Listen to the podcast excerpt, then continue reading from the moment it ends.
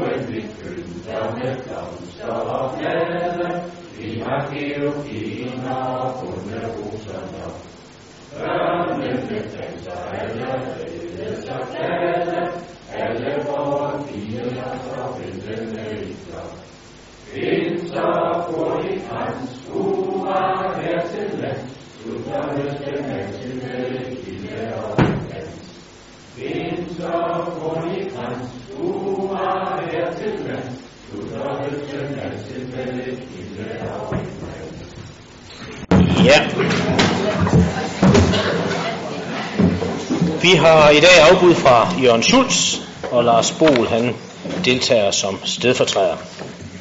Jeg skal høre, om der er nogen, der har bemærkninger til den udsendte dagsorden. Det var der ikke, så bruger vi den. Og sag nummer to herpå, det er budgetrevisionen per 30. i 6. for alle udvalg.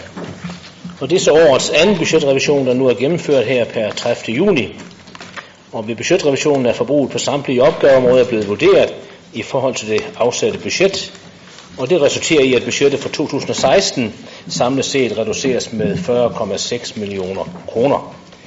De væsentligste ændringer i budgetrevisionen de er en teknisk nulstilling af midler afsat i forbindelse med refusionsomlægningen på beskæftigelsesområdet.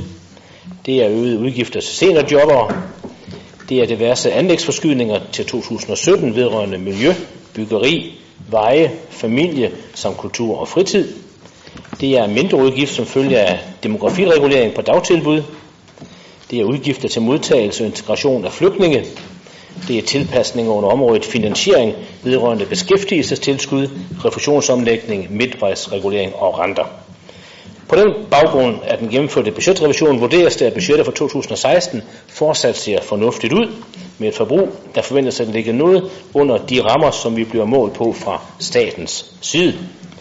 Jeg skal høre, om der er nogen, der har bemærkninger til indstillingen på denne sag. Det var der ikke, så har vi godkendt det. Sag nummer 3, det er halvårsregnskabet for 2016. Og det er jo noget, som er et krav nu fra statens side, at vi skal udarbejde sådan et halvårsregnskab. Det giver dels et øjebliksbillede her per 30. juni, inklusive budgetrevisionen, som vi lige har behandlet, og dels et bud på et forventet årsregnskab for 2016, set i forhold til det oprindelige budget. I første halvår, der har det sædvandet tro været nødvendigt at tilpasse budgetterne med en lang række større og mindre tillægsbevillinger, både positive og negative, og de væsentligste tillægsbevillinger de fremgår af sagen. Det forventede regnskabsresultat udviser samlet set et mindre forbrug på ca. 114 millioner kroner i forhold til det oprindelige budget, og at mindre forbruget primært sker på driften. Vi forventer således ikke at få problemer med at overholde både servicerammen og bruttoanlægsrammen i indeværende år. Jeg skal høre, om der er bemærkninger til det. Det var der heller så den også godkendt. Så går vi til sag nummer 4, som er budgetforslag 2017 til 20 altså byrådets første behandling. Og det er sådan, at i henhold til styrelsesloven, der skal økonomiudvalget fremsende et budgetforslag til byrådets første behandling senest den 15. september. Der blev på økonomiudvalgsmødet den 15. august truffet beslutning om at oversende budgetforslag 2017 til 20 til byrådets første behandling.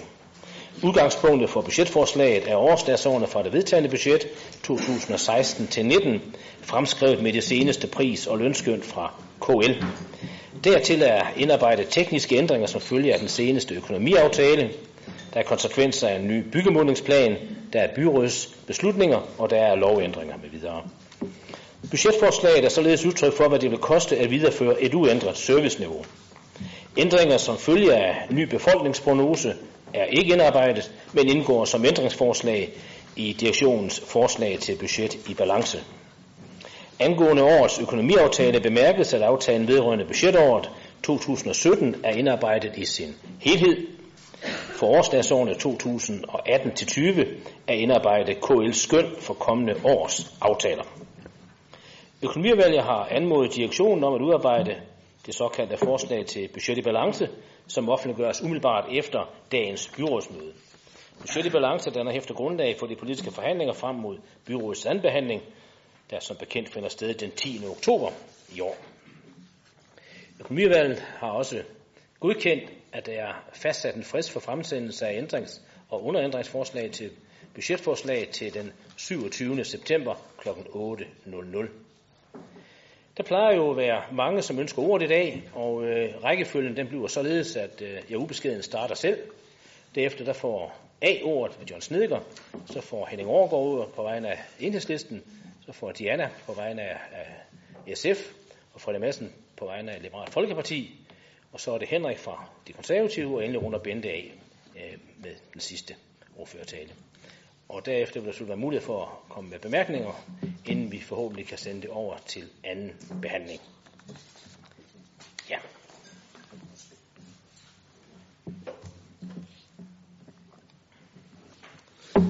Og læner jeg så godt tilbage det her, det tager cirka en times tid, så jeg håber, at jeg er på det. Rammerne for dette års budgetlægning er jo væsentligt anderledes, end da jeg stod her på samme tid sidste år.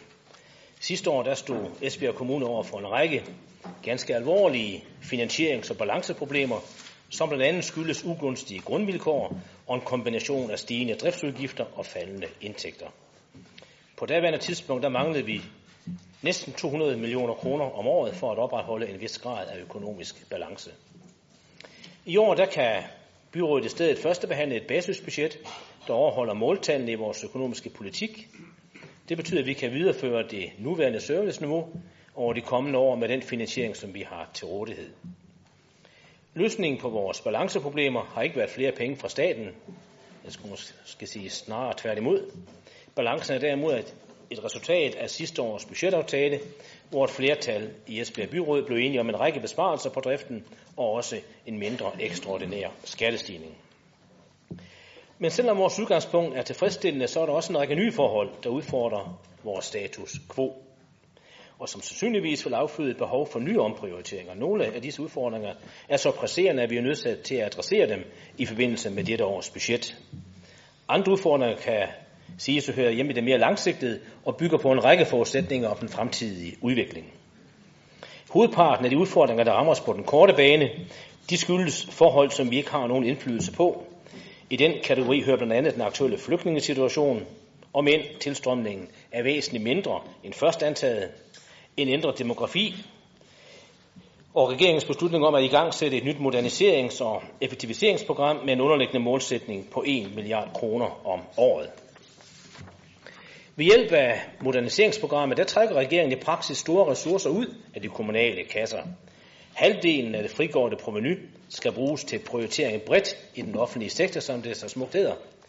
Det betyder, at kommunernes udgiftslofter vil blive reduceret med en halv milliard kroner i 18, stigende til 1,5 milliarder i 2020. Den anden halvdel af provenyet forbliver i kommunerne og skal bruges til at imødegå eventuelle merudgiftspres på driften. Moderniseringsprogrammet har først effekt fra 2018, men det vi jo arbejder med en flereårig planlægningshorisont i vores budgetter, så er vi nødt til at forholde os til denne negative regulering allerede nu.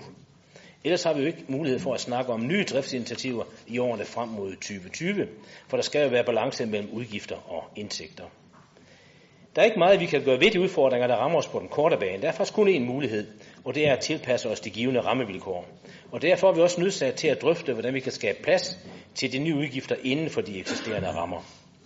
Samlet set er det sådan, at flygtninge og demografi forventes at koste Esbjerg Kommune ca. 46 millioner kroner i mereudgifter over de kommende fire år. Hertil kommer det direkte indtægtstab, som Esbjerg Kommune vil have, fordi der trækkes penge ud af de kommunale kasser via moderniseringsprogrammet.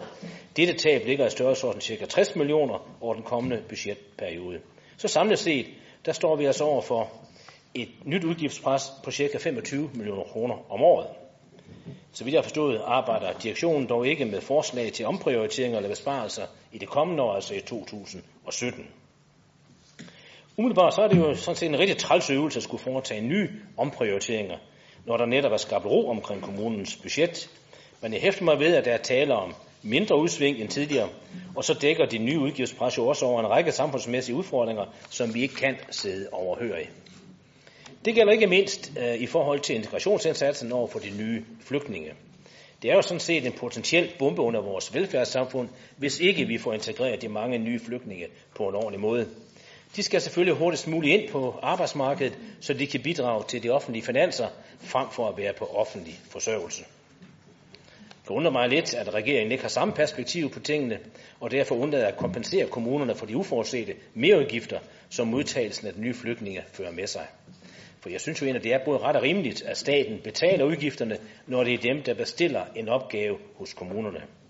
Men sådan landede årets økonomiaftale mellem KL og regeringen altså ikke, og derfor må vi i første omgang selv finansiere de øgede flygtningeudgifter. Så kan vi håbe på, at den opfølgning på flygtningeområdet, som KL og regeringen har aftalt her til det kommende forår, kan bringe regeringen på andre tanker. I denne sammenhæng, det hæfter jeg mig også ved, at Udlændingestyrelsen netop har nedjusteret deres kvote for opholdstilladelser til flygtninge, både i 16 og i 17. I 16 der er kvoten eksempelvis nedjusteret fra de oprindelige 17.000 til 7.500, og det kunne jo være en indikation på, at det fremadrettede pres bliver mindre end forventet. Og nu vi snakker om det at undre sig, så undrer det mig også, at det demografiske udgiftspres ikke har været et større forhandlingstema i sommerens økonomiforhandlinger. I maj måned der viste en større rundspørg, nemlig at 66 procent, det vil sige to tredjedel af landets kommuner, havde en forventning om stigende driftsudgifter i 17 på grund af den demografiske udvikling. Finansministeriets egne beregninger har da også vist, at demografien ikke kun er en udfordring for kommunerne i 17. Ministeriet anslår nemlig, at den demografiske udvikling vil koste kommunerne ca. 4 milliarder fra 2016 til 2020. Som det er i dag, der kompenserer staten ikke kommunerne for en ændret befolkningssammensætning, og dermed vil der staten jo i praksis et kæmpe pres over på kommunerne, som kun kan løses via omprioriteringer eller effektiviseringer. Det ser vi allerede kimen til i forbindelse med dette års budgetlægning, men presset vil sådan set kun blive større i de kommende år. Vi står også over for en række markante udfordringer på den lidt længere bane. Nogle af disse udfordringer kan vi heller ikke påvirke direkte, og i den kategori der hører blandt andet to helt store centrale spørgsmål. Det første er, videreføres det statslige finansieringsskud på 3,5 milliarder til kommunerne fra 2018 og fremad. To, mister Esbjerg Kommune penge i forbindelse med den planlagte omlægning af udligningssystemet fra 2018. De spørgsmål de er svære at finde svar på lige nu, men der er andre udfordringer, som vi både kan og skal løse gennem målrettede investeringer og gennem bevidste prioriteringer. Overskrifterne for disse udfordringer kunne være øget bosætning, øget beskæftigelse. Alle ved, at øget bosætning giver øget skatteindtægter, men det er måske de færreste, der ved, at indbyggertallet også spiller en rolle i fordelingen af de statslige tilskuds- og udligningsordninger. Det er nemlig sådan, at disse tilskudsordninger de er skruet sammen på en måde, der gør, at, at man, modtager et vist større, man modtager et større tilskud, hvis ens indbyggertal stiger, eller rettere sagt, hvis ens indbyggertal stiger mere end landsgennemsnittet. Ligger man derimod under den landsgennemsnitlige vækst, så reduceres øh, tilskuddet. Derfor er det selvfølgelig helt centralt, at vi styrker vores bosætning, og meget gerne i en takt, der er højere end landsgennemsnittet, fordi ellers er vi jo med til gradvist at udhule vores eget indtægtsgrundlag. Vores økonomiafdeling har kigget øh, lidt på tallene, og for at følge landsgennemsnittet, der skal Esbjerg Kommune have en befolkningstilvækst, der ligger ca. 1575 indbyggere højere end den nuværende befolkningsprognose frem mod 2020. Hvis vi ikke lykkes med at øge bosætningen ud over, hvad der ligger i den nuværende prognose, så mister vi faktisk indtægter frem mod 2020. I budgetmæssig sammenhæng, der har vi selvfølgelig taget højde for den udvikling, fordi vi bruger den nuværende prognose som vores arbejdsgrundlag. Men det er vigtigt, at det ikke bliver til, om så må sige, en, en selvopfyldende profeti. Vi skal ikke sidde på hænderne, vi skal i stedet gøre alt, hvad vi kan for at styrke bosætningen yderligere over det kommende år. Alt andet vil være ulogisk. I er selvfølgelig bekendt med, at vi har i byrådet her fastlagt en meget ambitiøs målsætning i Vision 2020. Målsætningen er, at vi skal være 120.000 indbyggere i 2020. Og jeg ved, at det vil kræve en ekstraordinær indsats for at nå dette mål, men det betyder ikke, at vi giver op på, på forhånd. Vi er allerede godt i gang med en lang række indsatser. Vi ser der også en bevægelse i den rigtige retning, selvom det ikke går helt så hurtigt, som vi havde ønsket det. Et af de øh, virkemidler, som vi kan bruge for at styrke bosætningen, er de kommunale anlægsinvesteringer. Og dem skal vi selvfølgelig forstå at udnytte bedst muligt i forbindelse med de kommende forhandlinger. Det kunne eksempelvis være gennem investeringer i flere studieegnede boliger, flere familieboliger, bedre infrastruktur og sammenhæng i den kollektive trafik, mere attraktive bymidter med store bykvaliteter, en fortsat udvikling af det kulturelle tilbud i kommunen. Kort sagt eksempler på investeringer, der gør Esbjerg til et attraktivt sted at leve og arbejde. Det andet ben, som vi skal have særlig fokus på i de kommende år, det er uden tvivl den lokale beskæftigelse. Der er heldigvis skabt rigtig mange arbejdspladser i Esbjerg over de senere år, men stigningen er i høj grad sket inden for de brancher, der rekrutterer fra store geografiske områder, herunder ikke mindst inden for offshore-industrien. Og vi skal selvfølgelig være glade for, at der har været en vækst af, i antallet af arbejdspladser, men det er altså en selvstændig udfordring for kommunens økonomi, at en meget stor del af disse arbejdspladser de er blevet besat af borgere fra andre kommuner. Fra, 2015, nej, fra 2010 til 2015, der er nettoindpendlingen til Esbjerg således steget fra 1668 til 5460 pendlere. Det er faktisk næsten en tredobling på fem år. Set i det lys, der er det også vigtigt, at vi skaber nye bydele, vi udstykker nye byggegrunde og generelt forsøger at styrke de forskellige lokalområder i kommunen. Fordi hvis vi skal lykkes med at tiltrække en større andel af de mennesker, der hver dag pendler ud og ind, mest ind, så skal vi selvfølgelig også kunne tilbyde attraktive bomuligheder i byer af alle størrelser og til alle behov.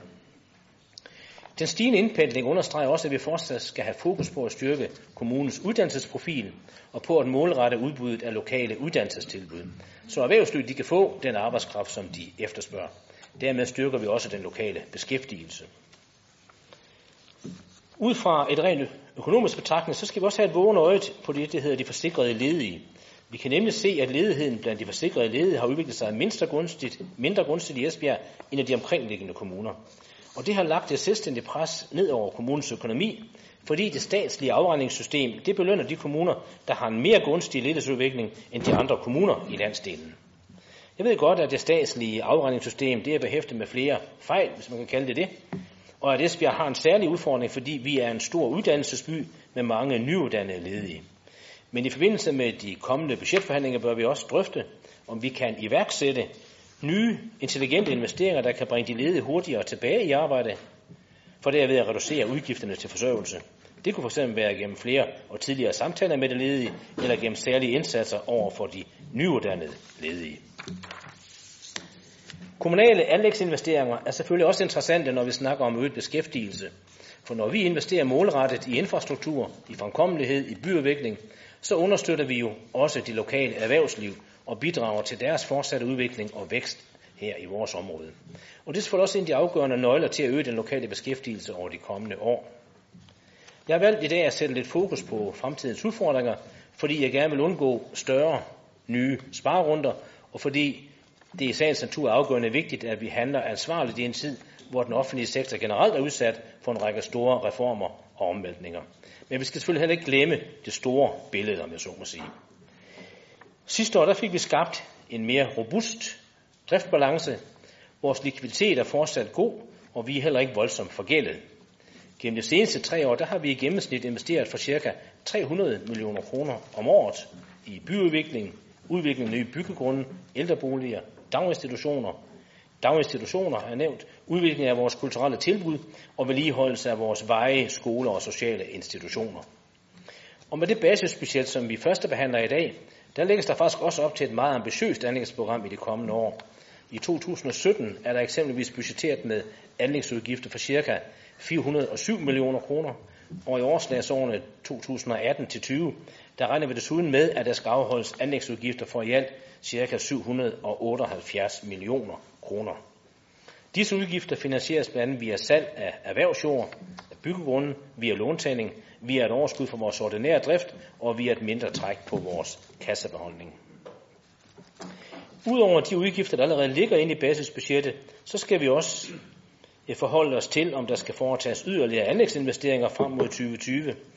Det blandt andet skal ses i sammenhæng med, at, vi sidste år budgetterede med det, vi kaldte en udisponeret anlægspulje i 2019 og 2020, som vi gradvist skal udmynde politisk. Nu vil jeg sådan, at den her tale blive alt for lang, hvis jeg skulle gå i detaljer med de mange nye anlægsprojekter, så det gør jeg ikke. Men øh, jeg glæder mig personligt til at kunne følge den videre udvikling af blandt andet Esbjerg Strand. Det går jo faktisk rigtig godt med salget af domicilejendommen i projektets etape 0. Og jeg kan da fortælle, at øh, der allerede nu også er stor forhåndsinteresse for at kunne erhverve jord på det, der hedder etape 1, som er havneøen. Og den går vi om kort tid i gang øh, med. Og så får vi en helt ny og rekreativ byområde med lystbådhavn, maritime aktiviteter, grønne områder, domiciler og offentlig og privat service. Det ser jeg frem til at kunne følge øh, tæt. Til slut så vil jeg gerne knytte en kommentar til det kommende forhandlingsbeløb.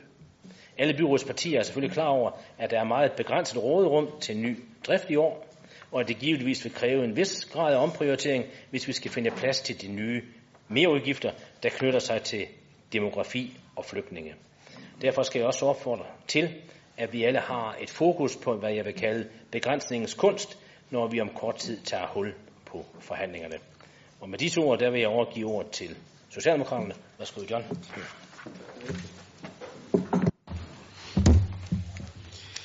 Ja, siden vores øh, nye kommune blev dannet her i 2006, øh, så har vi faktisk hvert år her ved førstebehandlingen af budgettet stået over for store og vanskelige besparelsesopgaver, ofte på flere hundrede millioner kroner. Og det gør vi så ikke i år.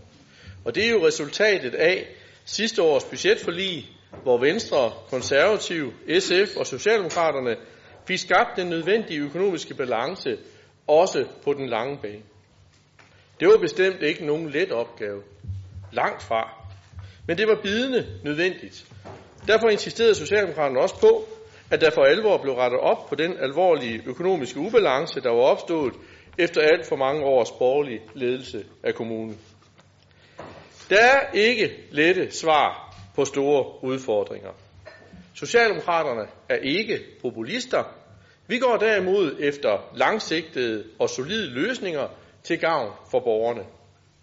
Derfor er vi også et parti med en lang tradition for at tage økonomisk ansvar for at opnå størst mulig indflydelse. Den indflydelse fik vi.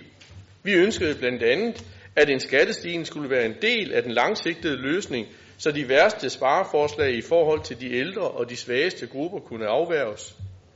Vi insisterede også på en social balance i besparelserne, og trods en svær økonomi, at kunne fastholde vækst, udvikling og jobs. Ser vi så på det tekniske budgetforslag, som ligger foran os nu, så er den korte version jo den, som også vi har hørt borgmesteren redegøre for her, at der fortsat er økonomisk balance. Vi har en positiv kassebeholdning på nær lige her i 2017, hvor vi på grund af et meget stort anlægsniveau har et kassetræk på 68 millioner. Men så har vi også en positiv strukturel balance. Men, for der er et men, vi må også erkende, at vi kun lige netop har råd til at afdrage på gælden, når det er sådan, at det nuværende drift og anlæg skal betales. Med andre ord, der er ikke et frit økonomisk råderum til nye udviklingsforslag. Så alle nye udviklingsforslag og nye udgifter, ja, de kræver kompenserende besparelser andre steder. Og det er altså ikke nogen let opgave oven på de mange besparelser, der har været foretaget de senere år. Hertil kommer, som vi også har hørt det, at vi nu både får flere børn og flere ældre, og det er jo godt, men det betyder også øgede udgifter for at kunne fastholde den samme service, som vi har i dag, og som, som vi har hørt, så forudsætter vi også øgede udgifter til flytninge. Ser vi på økonomiaftalen mellem KL og regeringen, så øh, ser det jo egentlig samlet set fornuftigt ud for Esbjerg Kommune. Herfra synes vi, at det er en kæmpe politisk sejr, at regeringens såkaldte omprioriteringsbidrag, der jo reelt er minusvækst til kommunerne, nu bortfalder. Både socialdemokratiske folketingsmedlemmer, men også medlemmer af KL's bestyrelse, har gjort et stort og godt politisk arbejde for at nå det her aftaleresultat. Så selvom der er indført et såkaldt moderniserings-effektiviseringsprogram i aftalen, ja, så fylder det langt mindre end den anden tårn. Hvad gør vi så nu? Ja, ovenpå de her store besparelser og rationaliseringer, som vi har været igennem både forrige år og sidste år, så har mange af vores medarbejdere i den kommunale verden været igennem nogle store og voldsomme forandringer.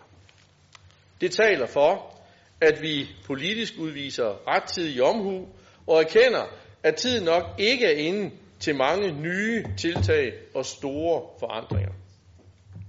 Omvendt, så skal vi også have hensyn til den langsigtede udvikling og fokus på kommunens Vision 2020 og vækstplan, være vågne og have et skarpt øje for nødvendige fornyelser, og derfor må vi også være klar til at kunne foretage de skarpe prioriteringer og omprioriteringer, der måtte være nødvendige. Ressourcerne bliver ikke flere, men færre, og derfor skal de bruges rigtigt. Fællesskabet er i de her år under et stort pres. Det er tilliden til velfærdssamfundet og, og tilliden til fællesskabet, der i de her år står på spil. Socialdemokraterne vil kæmpe for trygheden i hverdagen. Det betyder for os, at de, den offentlige velfærd skal understøttes. At vi er trygge i hverdagen og trygge ved, at fællesskabet er stærkt. At de offentlige børneinstitutioner, skoler og ældreomsorg altid er og bliver det naturlige første valg for borgerne. For vi ser desværre lige nu en tendens til, at flere fravælger de offentlige institutioner, ofte fordi de er utilfredse med kvaliteten, og det er en negativ glidebane. For det er vigtigt for sammenhængskraften i vores samfund, at vi har tillid til hinanden. At vi har tillid til, at vores dygtige offentlige ansatte, at vi har tillid til, at de med hver deres faglige dygtighed yder deres bedste. Men det kræver også, at rammerne reelt er til stede, for at de kan gøre det.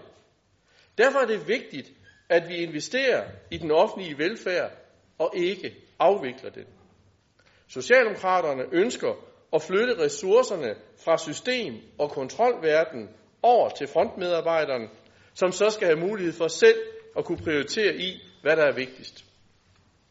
Derfor har vi et meget stærkt fokus på rammerne for helt almindelige familier. Mange, især børnefamilier, oplever i dag en presset hverdag. Og presset bliver ikke mindre, hvis man føler, at ens børn eller gamle ikke får den service og omsorg, som man med rimelighed kan forvente. Allerede sidste år nævnte vi i budgettalen, at koranalysen jo udover at pege på områder, hvor kommunen bruger flere penge end sammenlignelige kommuner, så rent faktisk også peget på områder, hvor vi her i Esbjerg Kommune bruger færre penge. Faktisk bruger vi færre penge på to meget centrale velfærdsområder, nemlig dagpasning og folkeskolen.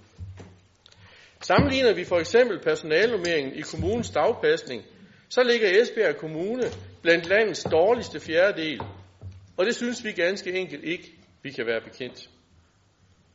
Derfor er Socialdemokraternes hovedprioritet ved det her års budgetforhandlinger at forbedre kvaliteten inden for dagpasning. Vi ønsker at give børnene den bedste start på livet, og dermed bidrage til, at de klarer sig bedre i folkeskolen, de klarer sig bedre i videre livet, men også medvirker til, at vi herigennem bryder den sociale arv. Fortsætter vi, som vi gør nu, ja, så risikerer vi jo, at de ressourcestærke forældre flytter deres børn i private institutioner, og at de dygtige pædagoger flytter med. Det kan vi simpelthen ikke være bekendt, og der er slet ikke over for de ressourcesvage. Socialdemokraternes fokus har i de senere år, senere års budget netop været de udsatte børn, og gennem forlig har vi bidraget til at fastholde de nødvendige ressourcer på området. Sidste år tog vi så første skridt, da vi fire forligspartier fik tilført flere personalressourcer i de mest socialt belastede områder inden for dagpasningen. Nu mener vi, at turen er kommet til en tiltrængt forbedring af kvaliteten ved kommunens dagpasning generelt. Lige netop kvaliteten og serviceniveauet på dagpasning og skole er også vigtige parametre, når det er sådan, at familierne skal vælge at bosætte sig. Og dermed, om man vælger Esbjerg til eller fra. Vi kan konstatere, at vores dygtige virksomheder skaber mange nye arbejdspladser i kommunen. Men vi kan også konstatere, at 1750 flere personer nu pendler ind og ud af Esbjerg Kommune for at arbejde. Prøv at tænk, hvis bare halvdelen af de personer havde valgt at flytte til kommunen, så ville vi have haft omkring 80 millioner kroner mere i øgede skatteindtægter. Så spørgsmålet for Socialdemokraterne er, om vi har råd til at lade være. Hertil kommer jo også, at mange unge i dag har psykiske problemer. Og derfor er det også vigtigt, at vi sikrer vores børn den bedste start på livet med en god, professionel voksenkontakt i dagpasning og skole. Det er også dokumenteret, at kommuner, som har en høj normering og høj kvalitet i dagpasning, også har færre udgifter til udsatte børn. Og det er jo også en økonomisk kurve, som vi her i kommunen har en interesse i, bliver knækket. Der er med andre ord behov for en langsigtet og helhedsorienteret plan for at øge kvaliteten i dagpasningen. Men da lovgivningen jo siger, at forældre skal betale 25 procent af udgifterne, så vil det her jo også betyde, at forældrebetalingen vil stige. Vi ved godt, at det er en stor post i børnefamiliernes husholdningsbudget. Børnefamilier har i dag mange store udgifter, så derfor vil selv en stigning på få hundrede kroner være en udfordring. Det er vi selvfølgelig respekt for. Så for at familierne kan nå at forberede sig herpå, så ønsker vi en gradvis indfasning af det her kvalitetsløft. Kvalitetsløftet i dagpasningen er Socialdemokraternes hovedprioritet, men vi ser det også som en investering. Kigger vi på vores største konkurrent, for eksempel trekantsområdet, ja, så har alle kommunerne i det område en normering, som er væsentligt højere end Esbjerg Kommune. Vi mener, at vi som udgangspunkt skal have samme normering som de kommuner, vi sammenligner os med og konkurrerer med. Når det er sådan, at øh, vi i år vælger at komme med en enkelt klar udmelding om en særlig hovedprioritet her ved førstbehandlingen, så betyder det selvfølgelig ikke, at vores politiske fokus på andre kerneområder er væk. Tværtimod. Helt grundlæggende er vores hovedfokus de velfærdsområder, der betyder allermest for trygheden hos helt almindelige mennesker. Som sagt, så har vi også stor fokus på folkeskolen, som vi også mener bør have et kvalitetsløft. Senest er det kommet frem, at folkeskolerne her i kommunen skraber bunden rent økonomisk, så det er absolut påkrævet. Men der er også sket rigtig meget og mange store forandringer i kommunens folkeskoler i de senere år. Der har været en ny arbejdstidsaftale, folkeskolereform, men, men ikke mindst øh, meget store interne strukturændringer. Der er mere end rigeligt at implementere lige nu i skolen. Derfor skylder vi folkeskolerne i kommunen, vi skylder elever, forældre og lærere arbejdsro og stabilitet i hverdagen. Vi bliver stadig flere ældre her i kommunen, og vi bliver også mere gamle. Socialdemokraternes seniorpolitiske fokus er livskvalitet. Derfor er det vigtigt, at kommunen skaber rammerne for det gode liv i alle seniorlivets faser. Her er kodeordene for os tryghed, respekt og værdighed. Det betyder for os høj kvalitet i de kommunale ydelser til de ældre. Det gælder hjemmehjælpen, hjemmesygeplejen, ældre eller plejeboliger. Vores holdning er klar. Vi prioriterer et godt offentligt kvalitetstilbud til de ældre, frem for tvivlsomme private eksperimenter, ikke mindst på områder, hvor kommunen har forsyningsforpligtelsen fra dag 1. Socialdemokraterne vil også her i budgetforhandlingerne insistere på at holde hånden under de svageste borgere. Det drejer sig ikke mindst om de handicappede, men også de udsatte familier og deres børn, ligesom de udstøtte på kanten af livet, har vores fokus. Vi ønsker også en mere markant beskæftigelsespolitik, som vi vidste også Henrik efterlyste sidste år. Vi ved, at uddannelsesniveauet generelt er lavt, og tilbagetrækningen sker tidligere her i kommunen. Derfor skal vi være langt mere målrettet på opkvalificering og efteruddannelse, specifikt til de særlige jobs, der er lige præcis i vores område. Ledige her fra kommunen skal derfor opnå de særlige kvalifikationer, der kræves for at kunne få de job, frem for at jobbene gives til folk, som bor uden for kommunen, og så i øvrigt samtidig med, at vi så betaler dagpenge og kontanthjælp til de ledige, der er bosat her i kommunen. Det er jo sig selv tåbeligt, men det er også meget, meget dyrt. Vi kan også se, at andre kommuner får folk hurtigere beskæftigelse, end vi gør det her. Og det giver altså en højere refusion, og dermed også færre udgifter til folk på overførselsindkomster. På anlægssiden er vi meget presset. Der er langt flere anlægsønsker, end vi har penge og anlægsramme til. Alle anlægsønsker med første prioritet kan vi i virkeligheden kun øh, imødekomme med halvdelen. Derfor er vi nødt til at prioritere knivskarpt. For Socialdemokraterne er det vigtigt, at der afsættes de nødvendige midler til vedligehold af vores bygninger, veje, stier, fortov og anlæg.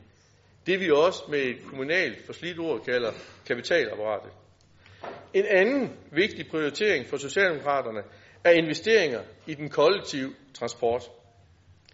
I det hele taget skal vi fortsætte med, den, med, med intelligente investeringer, som også borgmesteren var inde på, men også grønne investeringer, der giver driftsbesparelser på den lange bane, men også investeringer, som vi har været gode til i de senere år, hvor der ydes ekstern medfinansiering, for eksempel fra staten eller fonde. Vi har i de senere år også løbende øget erhvervsstøtten og investeret i erhvervsfremme i form af forskellige vækstpuljer. Det mener Socialdemokraterne fortsat er vigtigt. Men de her midler, de er altså sket samtidig med, at kommunernes indtægter er faldet drastisk, og samtidig med, at andre kommunale driftområder har været udsat for store besparelser igennem de senere år. Derfor synes vi også, at det er at udvise rettidig omhu, at vi nøje gennemgår de her store erhvervstilskud med henblik på, om vi får nok for pengene. Vi mener også, at tiden er inde til en reduktion på de her områder, og dermed lade virksomhederne selv betale for en større kontingent til eksempelvis Esbjerg Erhvervsudvikling, og i højere grad selv finansiere noget af det, der kommer virksomhederne til gode, ved at kommunen har et højt serviceniveau på det, der betyder noget for virksomhederne og deres arbejdskraft. Når det er sagt, så er det også vigtigt for Socialdemokraterne, at vi skaber råderum til udviklingstiltag, vækst og øget bosætning. Det er vigtigt, at vi skaber en sund indkomstudvikling, som kan finansiere de borgernære velfærdsydelser inden for børn, skole, sundhed, handicappede og ældre. Derfor vil vi også insistere, insistere på grøn vækst, hvor vi på en gang forbedrer miljøet og nedsætter energiudgifterne. Til sidst vil vi sige, at øh, vi fra Socialdemokraternes side er parate til at inddrage de kommunale medarbejdergrupper i budgetarbejdet, også for at høre personalets vurderinger af konsekvenserne af de ændringsforslag, vi nu må komme til at behandle. Derfor ønsker vi, som hidtil, at være i direkte dialog med medarbejderrepræsentanter og de faglige organisationer i løbet af budgetprocessen. Med de her ord er Socialdemokraterne klar til at indgå forhandlinger om det kommende års budget, Samtidig vil vi også benytte lejligheden her til at takke alle medarbejdere i samtlige kommunale led for et godt og veludført arbejde, som vi herfra sætter meget stor pris på. Tak for opmærksomheden. Tak til dig, John. Og øh, jeg kommer måske til at sige noget forkert. Det er ikke dig, Henning, det er Sara, der tager det her næste punkt. Værsgo, Sara. Ja, tak skal du have. Så blev det tid til at kigge på Esbjerg Kommunes budget for 2017 og fremadrettet. Heldigvis er der ikke lagt op til en massakre lige den, vi blev præsenteret for sidste år, så det kan vi da starte med at glæde os over, og det gør vi. Enhedslisten går altid seriøst ind i forhandlingerne, og målet har hver gang været at lave et så godt budget som muligt. Men vi er ikke enige med de andre partier i byrådet om, omkring, hvad det er, der er et godt budget.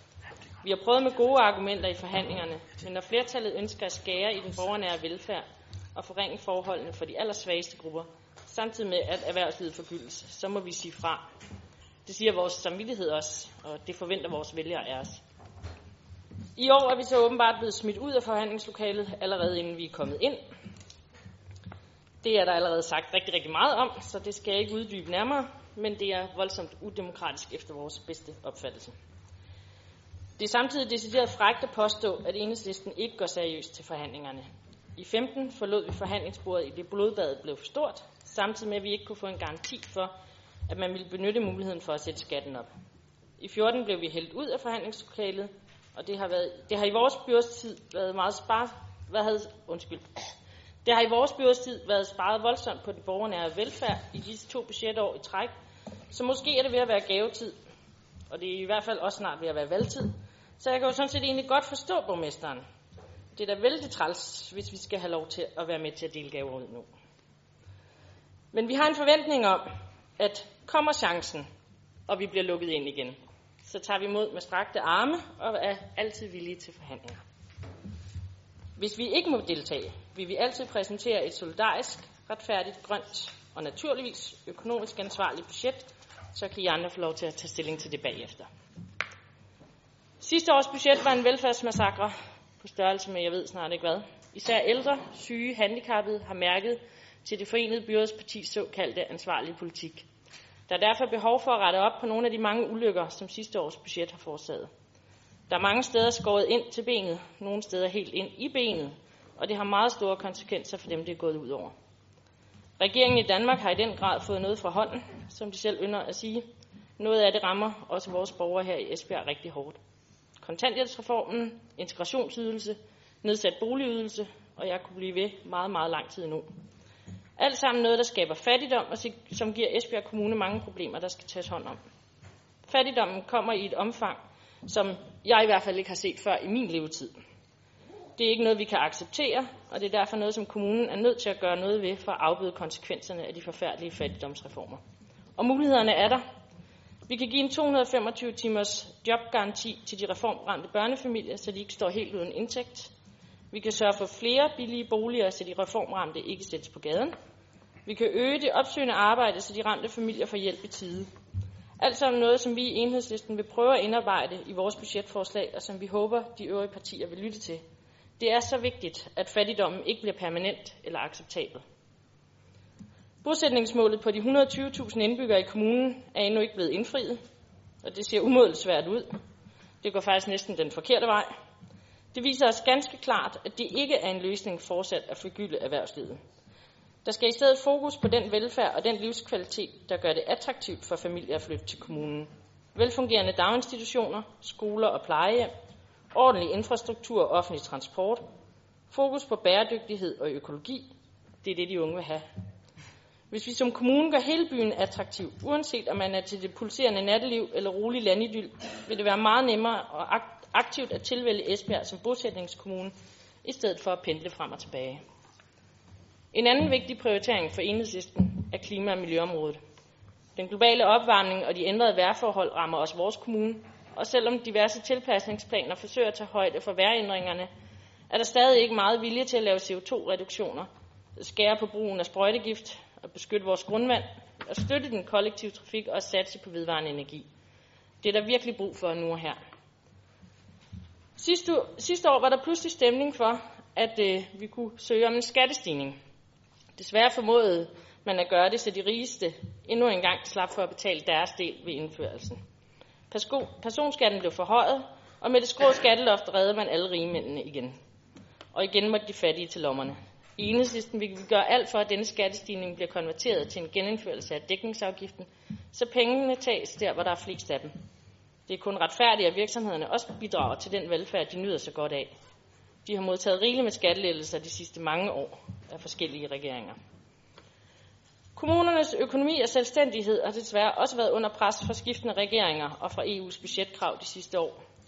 Det arbejder enhedslisten for at ændre i andre parlamentariske forsamlinger, men i kommunen her kan vi gøre og skal vi gøre, hvad vi kan for at afbøde de mange negative konsekvenser af regeringens såkaldte reformer. Det er for enhedslisten det aller, aller vigtigste i år. Vi håber stadig på at kunne deltage i forhandlingerne, men hvis borgmesteren stadig synes, det er lettere at forhandle med dem, han ved, han er enig med, så må vi tage vores tilgang til budgettet derfra. Vi vil, ikke blive, vi vil ikke acceptere at blive påduttet en politik, som vi ikke kan stå indenfor, og som smadrer vores fællesskab og velfærd. Vi vil noget helt andet end alle jer andre, og det er derfor, vi har vores pladser i Esbjerg Byråd. Pladser, som vi har tænkt os at bruge bedst muligt. Tak for ordet. Selv tak, så, så er det Diana. Ja, tak.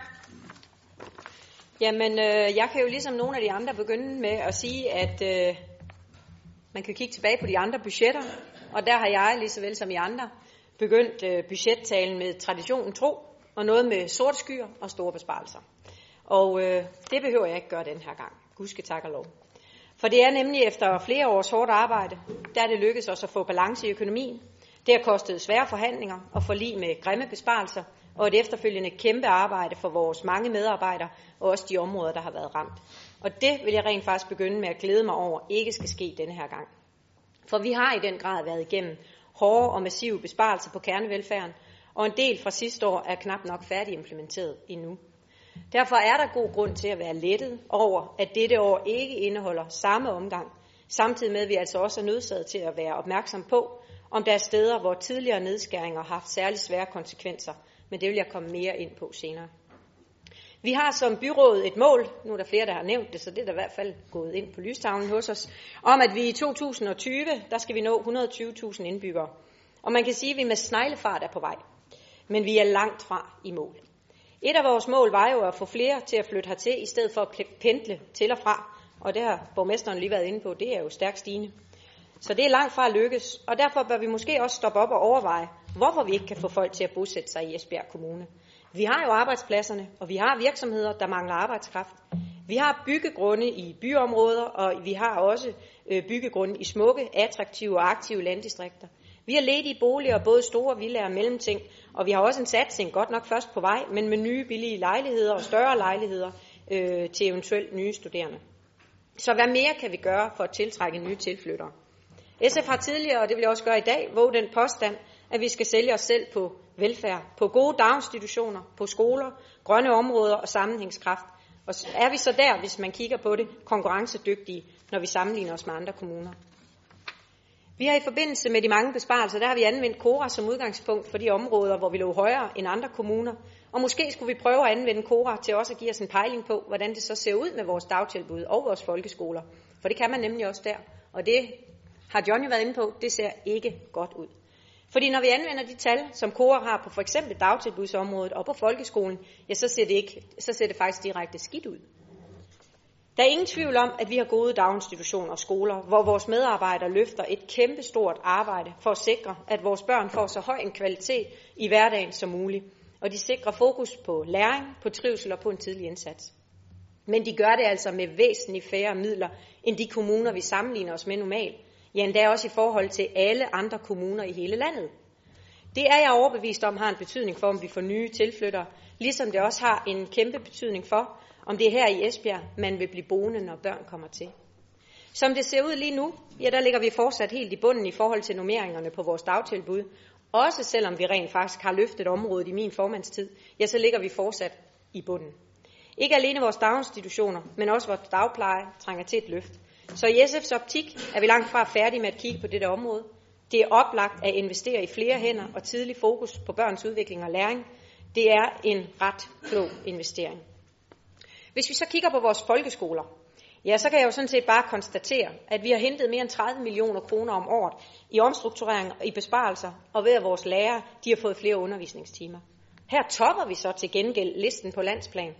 Desværre bare den, hvor vores lærere er dem, der underviser flest timer, og dermed har færrest til forberedelse, til forældresamarbejde og til de mange andre opgaver, der ligger ud over selve undervisningen. Det er måske ikke helt så heldigt. Vi foretog her før sommerferien et kasseeftersyn af alle vores skoler, og her viste det sig, at økonomien holder. Der er ressourcer til at løfte undervisningen dette skoleår, men også kun lige. Det er der ikke nødvendigvis året efter. Vi vedbliver med at trykke økonomi ud af folkeskolen, og så længe at vi ikke får rettet op på det faktum, at eksempelvis den understøttende undervisning finansieres, som var det pædagoger, der alene varetog denne, ja, vil det vedblive med at ske. Her vil det være langt mere rimeligt, om vi gjorde som andre kommuner, nemlig en finansiering med 50% lærer og 50% pædagoger, så så kommer vi langt tættere på den virkelige verden i folkeskolen. Hvis ikke vi tilfører ekstra økonomi, så vil vi næste år kunne stå i en situation, hvor skolerne er nødsaget til at sammenlægge klasser, samle overbygningen eller andet drastisk, og absolut ikke noget, hverken forældre eller skolebestyrelser ønsker, alene for at få økonomien til at slå til. Så vi har rent faktisk en alvorlig problemstilling her, der ikke alene omhandler at kunne tiltrække nye borgere til kommunen, men som handler om udvikling og drift af vores skoler. Og når vi nu er ved folkeskolen og ved skolevæsenet, så har vi en anden stor udfordring, der kræver vores bevågenhed og også handling i det her budget. For vi står i en situation, hvor vores skolevæsen er i far for at knække i to. Hvis ikke vi seriøst går, gør noget for at løse frafaldet fra vores afdelinger i Østerbyen og værdsætte ud med afdeling Bakke. Så den vil jeg bruge lidt tid på nu. Vi har jo længe arbejdet med en plan for at ændre på indholdet, på elevsammensætning og fortællingen omkring afdeling Bakke. Det er vi jo sådan set alle sammen bekendt med. For det her forslag har været ikke, forbi ikke mindre end to udvalg på orienterende byrådsmøde og rent faktisk også tilbudt som oplæg til samtlige grupper. Det er længe siden, vi fik et politisk nødråb fra bestyrelsen for Kosmos vedrørende afdeling Bakke. Og siden har der været arbejdet seriøst med et forslag, der både dækker over etableringen af en idrætsskole, hands undervisning i tæt samspil med uddannelsesinstitutioner og virksomheder, skoletjenestes tilbud med fokus på 21st century skills, altså alt det, vores børn kommer til at beskæftige sig med i deres fremtid, men som vores virkelighed endnu ikke har opdaget. Det man også kunne kalde Future Classroom, innovation, robotteknologi og udvidet anvendelse af IT-baserede løsninger. En anden af de idéer, der lå i beskrivelsen, var flytningen af den kommunale eliteidrætslinje, fordi det ville give afdelingen Bakke mulighed for at tiltrække en del danske elever og gøre elitelinjen bedre og mere attraktiv, i det skolen og området i den grad er gearet til idræt på et højt niveau. Det blev som bekendt skudt ned i pressen. En ny form for samarbejde fra det borgmesterbærende parti, øh, man der lige skal vende sig til. Men det gider jeg rent faktisk ikke beskæftige mig mere med. Øh, sagen er for alvorlig til at dvæle ved det. Der er nemlig flere muligheder for, afdeling, for at afdeling Bakke kan arbejde med andre linjer, der kan tiltrække elever, både fra området, men også andre steder fra. Derfor ligger der rent faktisk i det, vi kommer til at se senere hen, et nyt og udvidet forslag om at arbejde med en ny linje på afdeling Bakke. En idræt plus linje, om man kan kalde det det, der skal fokusere på nye former for idræt på høj plan. Det er set andre steder, og jeg var selv forbi øh, Campus Vejle i torsdag, så så med mine egne øjne, hvordan de drøner derud af med elever, der strømmer til den her linje. De er gået fra 15 elever til 120 på et par år. Virksomhederne, der nærmest står i kø for at samarbejde med dem om fremtidens arbejdskraft og udviklingen af netop deres virksomhed. Det handler om e-sport, en lidt anden sportsgren. Om Counter-Strike og LOL har jeg også lært det. Øh, computerspil, man rent faktisk sagtens kan kombinere med læring, med matematik og med dansk, med programmering og udvikling. Samtidig er det rent faktisk, lærte jeg også, den hurtigst voksende idrætsgren i Danmark. Og de er rent faktisk også støttet af Team Danmark. Og den første forening er stiftet her i Esbjerg. De spillere, der er dygtige, de spiller for langt flere tilskuere, end vi overhovedet kan forestille os på små fodboldstadioner, svømmehaller og hockeyhaller. Og der er også større løn og gevinster til dem, der slår igennem på det verdensomspændende marked, der rent faktisk er.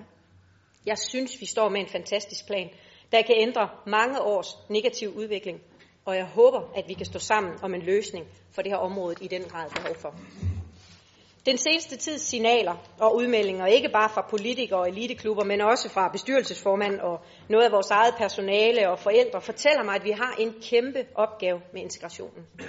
Det gør mig trist og bekymret for fremtiden, at der åbenbart er borgere og børn, man ikke vil være sammen med, og som ikke betyder lige så meget som andre. Vi har en mulighed for at se mangfoldighed og forskellighed som styrke. En mulighed for udvikling og nye initiativer, og ikke som en trussel. Det er vi nødt til at tage et opgør med. De mange nye borgere, der er kommet til vores kommune i form af nye flygtninge, de har ikke en chance på arbejdsmarkedet og i vores skoler, hvis vi ikke engang vil være sammen med de borgere med anden etnisk baggrund end dansk, der er født og opvokset her i vores land, i vores kommune. Ja, de fleste er jo rent faktisk danske statsborgere. Det, der så alligevel beroliger mig en smule, det er, at vi i Esbjerg altid har levet af at være udadvendt, af at have udsyn og af udvikling. Vi har i en periode vækstet 2,3 procent om året med nye medborgere. Det ligger godt nok nogle år tilbage, men alligevel, vi må have det i blodet. Integration forudsætter, at man har nogen at integrere sig med. Nogle andre at være sammen med. Nogen at spejle sig i. Nogen, der er nysgerrige og åbne over for de forskelligheder, vi er i besiddelse af, og åbne over for at lære nye kulturer at kende. Vi må for alt i verden ikke få skabt et også af dem. Et snæversynet fokus på, hvad der er dansk. Vi har brug for hinanden for at sikre integrationen og for at skabe udvikling. Det er der gudskelov mange, der allerede i dag løfter en kæmpe stor indsats her. For eksempel har venligboerne Esbjerg alene 874 venner på Facebook, og de samler møbler ind og holder møder øh, på Vindrosen med vores nye medborgere. Dansk Flygtningehjælp, Dansk Røde Kors, Ungdoms Røde Kors, jeg kunne nævne mange flere, har mentorfamilie, unge netværk og meget mere. Og det er blot nogle af de mange, der hver dag løfter en kæmpe frivillig indsats for integrationen. Og vi bør som byråd gå forrest sammen med dem. Når vi nu så også er ved integrationen, så er vi i SF ret bekymrede for vores nye flygtninge, der kommer på så lav en integrationsydelse, at det er umuligt for dem at forsørge sin familie, at have tag over hovedet, og børn, der vokser op i fattigdom, uden mulighed for øh, fritidsaktiviteter og en opvækst, som danske børn vil, vil, vil komme på tale, hvis ikke de formår at få sig et arbejde, lære dansk og integrere sig. De har naturligvis et kæmpe ansvar selv, men de har behov for hjælp. Og det er et krævende arbejde for vores medarbejdere på jobcentret, og det skal vi sikre, at de har de fornødne ressourcer til. Alt andet lige vil det både menneskeligt og økonomisk være en dårlig idé at nedprioritere. Vi har naturligvis behov for, at hele vores kommune er behjælpelig med indsatsen. Men vores medarbejdere går jo forrest i kampen for at finde virksomhedspraktikker, jobs, Øh, elever til integrationsgrunduddannelsesindsatser og pladser. Og her har vi behov for, at indsatserne ikke centraliseres, men at vi kan og har ressourcer og tid til at samarbejde med blandt andet lokalråd, de mange frivillige organisationer og virksomheder i hele vores kommune. For sammen kan vi løfte meget mere, og det er der behov for. Ældreråd, ældreområdet og voksenhandicapområdet holdt hårdt for ved sidste års budget. Og i den forbindelse bør vi sikre en evaluering af vores service på disse områder, når besparelserne er endelig implementeret. Jeg hører desværre fra især ældreområdet, at besparelserne har betydet, at blandt andet de dårligst fungerende plejehjemsbeboere ikke længere på samme måde deltager i aktiviteter, men ofte blot sidder passivt på deres stol det meste af dagen. Det er ikke fordi, vi ikke har tænkt den svageste gruppe ind. Og der er også indregnet midler rent faktisk til aktiviteter for denne her gruppe på vores plejehjem, men det fungerer ikke optimalt, som det er i dag. Det er også en udfordring, at flere borgere har valgt at benytte, øh, at færre borgere, undskyld, har benyttet, øh, at, har, ben, har, valgt, har fravalgt at benytte sig af dagcentrene. Sådan var det. Oplevelsen er, at det er blevet for stort, og det er kommet for langt væk. Medarbejderne oplever, at der er drøn på, og det er nok helt naturligt med de store besparelser, de har været underlagt. Og måske handler det også om, at besparelserne blev indfaset ret hurtigt, at det har været vanskeligt at følge med for medarbejderne. Forlispartierne var jo enige om, at der skulle udvikles nye måder at tænke velfærd på. At overskrifterne for det, det var et, for det her paradigmeskifte, der var nødvendigt på ældreområdet, det var medborgerskab, aktive ældre, tidlig opsporing, offensiv forebyggelsespolitik og en øget brug af velfærdsteknologi. Og det tager tid, det ved jeg jo godt. Men vi må ikke svigte de ældre undervejs, og derfor er det vigtigt for SF, at vi sikrer en løbende evaluering af allerede besluttede besparelser, både her, men også på voksenhandicapområdet. Nu har jeg flere omgange nævnt vores lokalråd, og dem er vi i SF meget interesserede i at få udviklet et større samarbejde med. Vi tror på, at det er via vores lokalråd, at vi fortsat sikrer aktive og bæredygtige landdistrikter og lokalområder. Vi har tidligere afsat 500.000 kroner om året, som vores lokalråd har kunnet søge ind på. Vi er af den overbevisning, at dette beløb bør højnes over årene, ligesom vi ønsker at udvikle forsøg med borgerbudgetter, hvor borgerne selv er medbestemmende for, hvilke midler, der skal anvendes på hvad, og det er oplagt at forsøge at gøre det i et samarbejde med vores lokalråd. Og når vi er i området med bæredygtighed og lokalområder, så vil vi tillade os igen at hejse flaget for etableringen af cykelstier, der binder vores kommune sammen. Derfor er det for os vigtigt, at der vedbliver med at blive investeret i lokale cykelstier. Vi medgiver, at der også skal prioriteres midler til cykelstier i bymidten, men det må ikke opsluge alle midlerne. Vi skal fortsat gerne være en attraktiv og aktiv cykelkommune i hele kommunen. Også på anlægsområdet er der områder, øh, SF ønsker særlig fokus på, nemlig grønt byggeri. Vi bygger og renoverer for mange millioner kroner, og vi bør som kommune gå forrest i forhold til energivenlige og bæredygtige løsninger. Og ja, det koster her nu flere penge, men på sigt tjener det sig hjem. Vi er meget begejstrede for løsningen i forbindelse med daginstitutionen i Tjæreborg, hvor der var fokus på såvel genbrug, affaldssortering som opgradering i forhold til energiklasser. Desværre så så vi jo lynhurtigt her øh, i byrådssalen, at debatten endte i økonomi, og at flere af de meget flotte idéer nok ender med ikke at kunne realiseres. Fordi der ikke er afsat midler nok til at investere i grønne løsninger. Vi er den overbevisning, at vi som kommune skal tænke og handle bæredygtigt, også selvom det her nu koster ekstra. Vi har godkendt og arbejdet efter flere forskellige planer, masterplaner og visioner, og her er der et hav af forskellige ønsker til nye byggerier og renoveringer, der er nødvendige, og her bør vi tænke grønt. Vores fokus i forbindelse med anlæg er byggeri, der understøtter vores velfærd, vores daginstitutioner, skoler og udsatte borgere. Herom skal der ikke herske tvivl. Umiddelbart efterlader ovenstående jo tilhørende med en forventning om, at vi skal finde flere penge og besparelser, hvis ikke vores budget igen skal komme i ubalance. SF har igennem årene været med til at skabe balance i økonomien, og det gør vi også gerne denne her gang. Vores fokus er i høj grad kernevelfærd, og vi finder naturligvis økonomi til det, vi foreslår. Vi kan jo blandt andet nævne, at vi gerne stemmer for en gradvis indfasning af dækningsafgiften igen. De penge mener vi bruges langt bedre på velfærd end i virksomhedernes lommer. Men vi går ikke ind til forhandlingerne med ultimative krav, men med et skarpt fokus på det nære velfærd, på folkeskolen og på børnene. Tak for ordet. Ja, selv tak til jer. Så var det, skal jeg lige se, så er det fra det massen. Ja, tak. Ja, men vi vil ikke gøre det så, så langt, fordi vi, vi synes ikke, at vi skal sætte, tvinge alle de her mennesker, der sætter her omkring bordet til at, at sætte og høre på alt det her, plager mig af det, der bliver sagt. Øh, vi, vi er den opfattelse, at vi kan godt forstå, at borgmesteren ikke ønsker, at vi skal være med i budgetforhandlingerne, fordi vi vil ikke danse efter den pipe, han har. Så er det så nemt det. Vi er ikke som Socialdemokratiet, SF og de konservative. Vi hopper ikke, når borgmesteren siger hop. Nej, vi vil have en seriøs forhandling, og har vi haft en dygtig forhandlingsleder, så har man nok også kunne få alle med i et parti eller i et, øh, i et budgetforlig. Det er slet ikke i tvivl om. Vi øh, gør det, at vi øh, sender folk i jobtræning for at få en højere refusion, som John sagde. Og øh, det er vi egentlig lidt imod. Vi er imod, at folk skal i jobtræning, eller at de så skal gå til læge først og få nogle smertestillende tabletter, for at kan, kan holde dagen ud, eller for at kan holde de få timer ud, de så skal arbejde. Samtidig med, at en eller to kan arbejde måske en eller to timer om ugen, så skal de have en seng med, fordi de skal hvile sig ind imellem. Det synes vi ikke er værdigt for de her mennesker.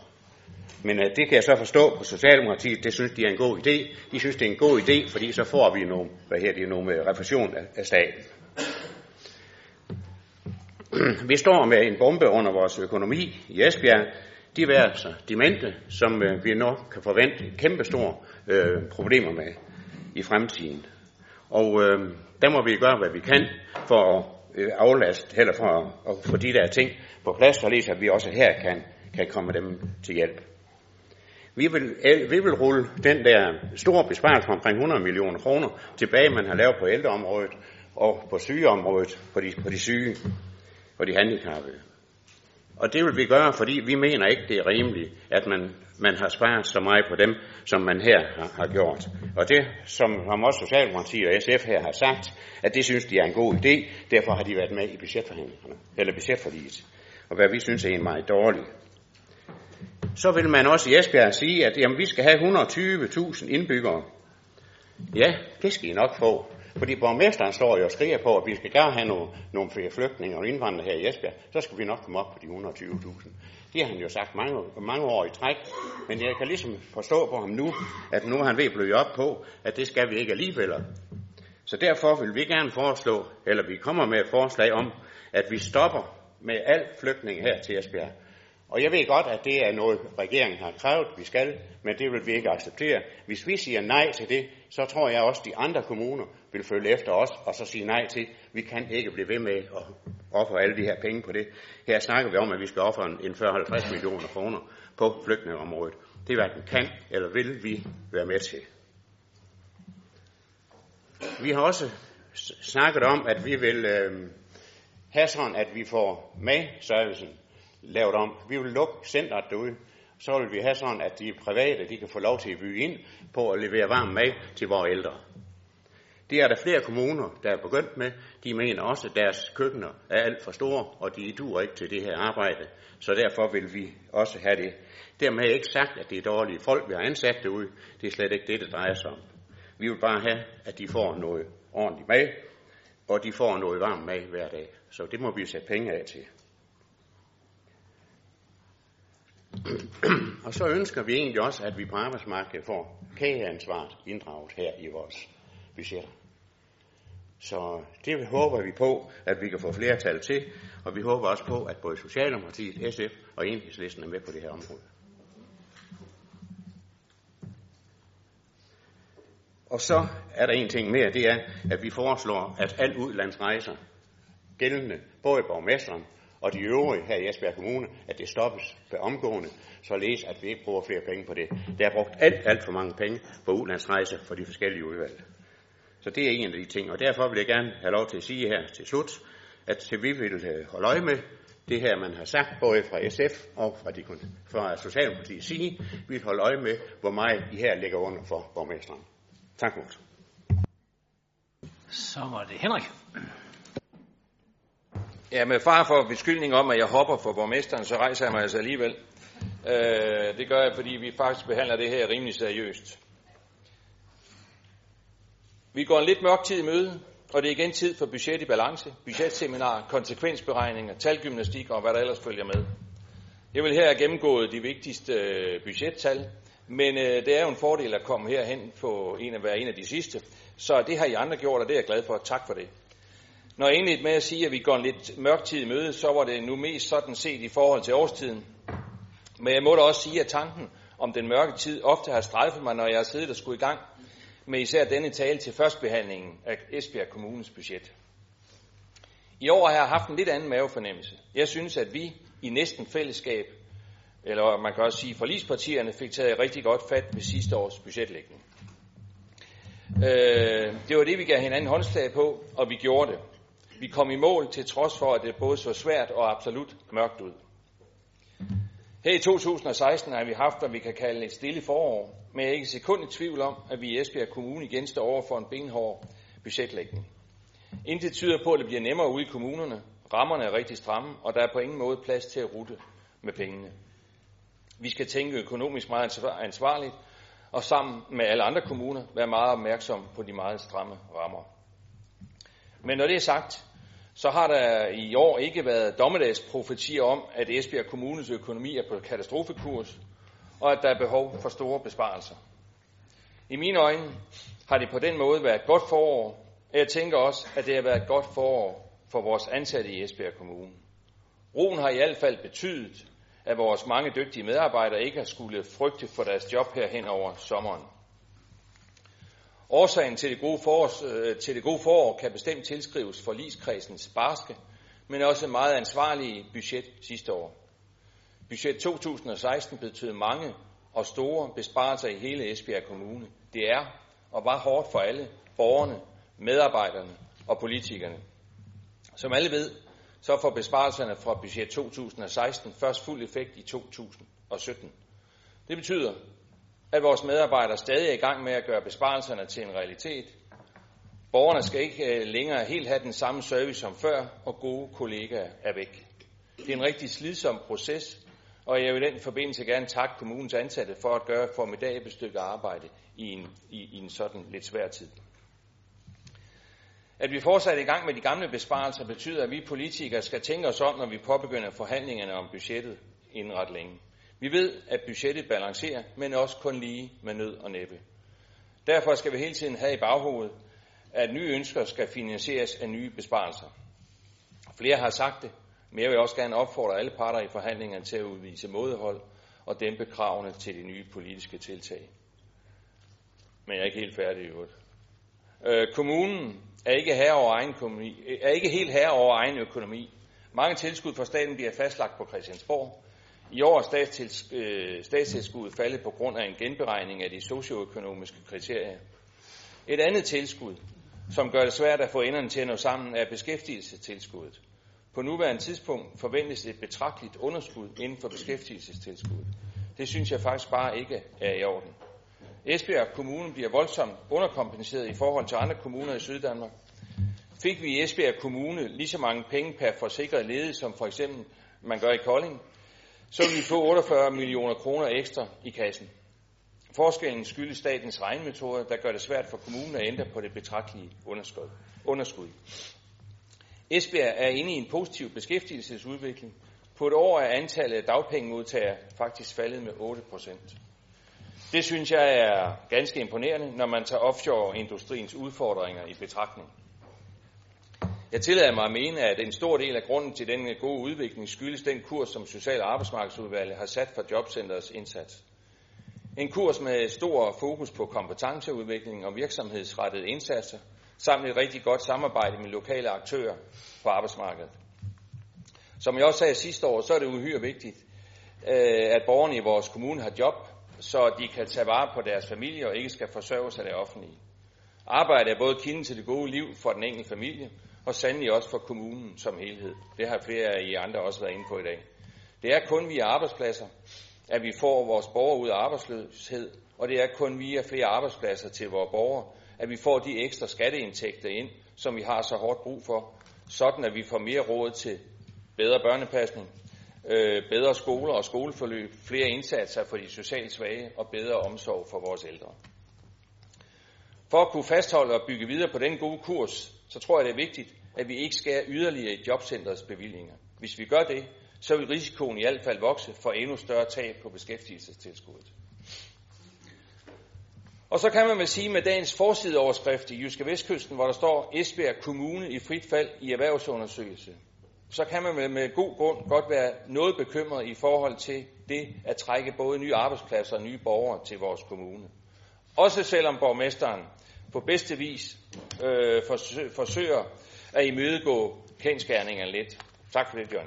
Når det er sagt, så har jeg tidligere været ude at sige, øh, eller været ude sådan måske lidt med riven på det her område.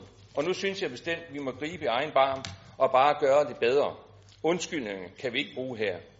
Jeg læste for nylig i, i, dag, i bladet øh, Danske Kommune om Høje Tostrup Kommune. Det var sikkert også andre af jer, der gjorde. Hvor man har sat sig for, at man ville blive langt bedre til det at, at være en erhvervsvenlig kommune. Det har i høj grad båret frugt. Man har vendt det hele på hovedet, har haft 70 medarbejdere med erhvervskontakt på kursus, og er blevet meget mere fleksible, smidige og proaktive i forhold til for eksempel byggeansøgninger og byggetilladelser. Og det er blot ved at spørge sig selv, hvad er det, vi skal gøre for at blive mere erhvervsvenlige. De har på den måde øget antallet af arbejdspladser med 8.000 på fem år, og må ikke også det at betyde noget i forhold til tilflytterne. Og vi vil jo rigtig gerne nå de 120.000 i 2020. Er det ikke nu, vi skal gøre noget drastisk ved erhvervsvenligheden?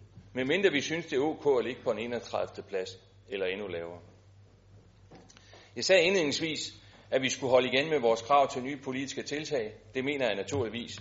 Dog vil jeg gerne trække et enkelt forslag frem for social- arbejdsmarkedsområdet.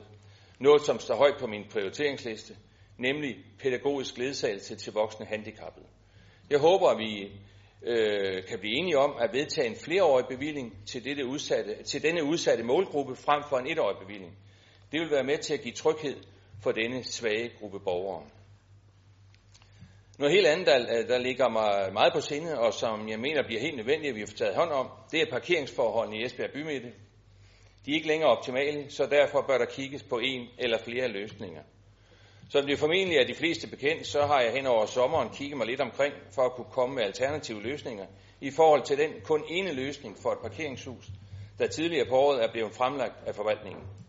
Det er ganske enkelt ikke nok. Vi bør og skal som politikere have mere end et forslag at vælge iblandt.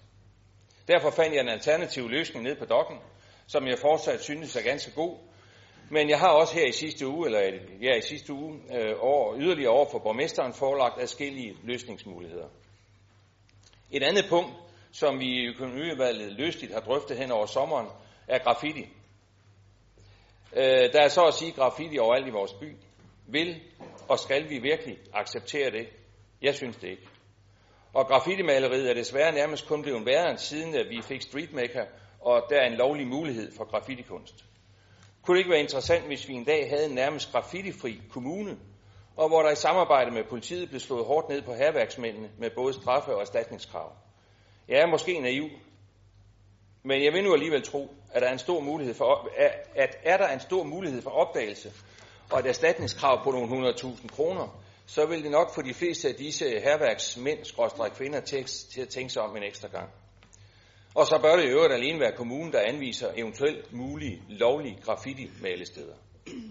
Jeg vil meget ønske, at vi kan afsætte et beløb til fjernelse af den ulovlig graffiti. Jeg siger ikke, at vi skal tage det hele på en gang, for det er jeg ganske klar over at blive rigtig dyrt. Men så noget af den, sådan vi kommer i gang med at genskabe en graffitifri kommune. Jeg vil også gerne tale om flygtninge, men øh, der er rigtig sagt meget fornuftigt om flygtningssituationen her i vores kommune af flere her i dag, så det vil jeg spare jer for. Men udfordringen, de er der, og de nærmest bare venter på os, så det vil vist bare at komme i gang. Og lad os så glæde sig over, at der trods alt måske bliver lidt luft til et eller andet. Med disse ord melder det konservative Folkeparti sig igen klar til at deltage i budgetforhandlingerne, hvor ambitionen er, som sædvanligt, et budget i balance, som til gode ser borgernes mange og forskellige artede behov. Tak for ordet. Tak. Så er det Bente. Ja, tak. Som andre partier, så vil jeg også godt lige starte med et tilbageblik til sidste års budgetlægning. Det var vel nok en af de sværeste budgetter, der nogensinde er blevet lagt. For 800 millioner kroner skulle findes over fire år.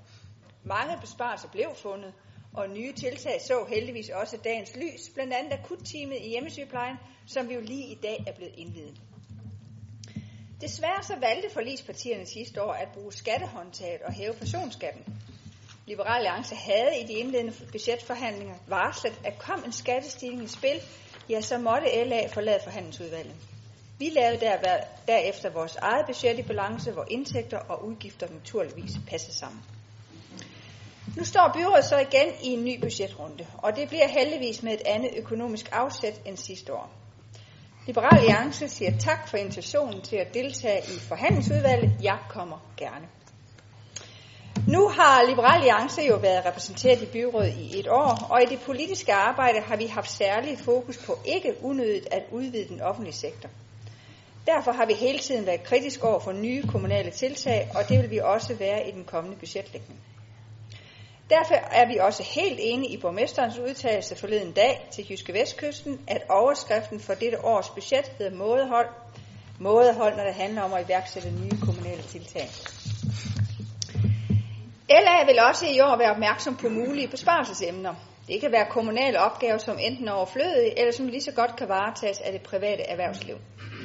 I Liberale Alliance vil, vil vi altid have fokus på de kommunale kerneopgaver.